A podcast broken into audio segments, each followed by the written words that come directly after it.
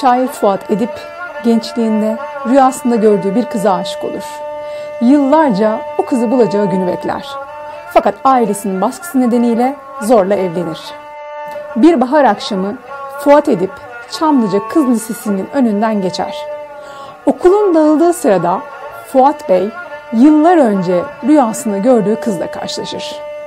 Orta yaşlı biri olarak Fuat Bey için artık her şey için çok geçtir. Bir süre orada öyle kaldıktan sonra yoluna devam eder. Bu ani karşılaşmanın meyvesi ise sanat müziğimizin en güzel eserlerinden biridir. Bir bahar akşamı rastladım size. Sevinçli bir telaş içindeydiniz. Derinden bakınca gözlerinize neden başınızı öne eğdiniz? İçimde uyanan eski bir arzu. Dedi ki yıllardır aradığın bu. Şimdi soruyorum büküp boynumu. Daha önceleri neredeydiniz?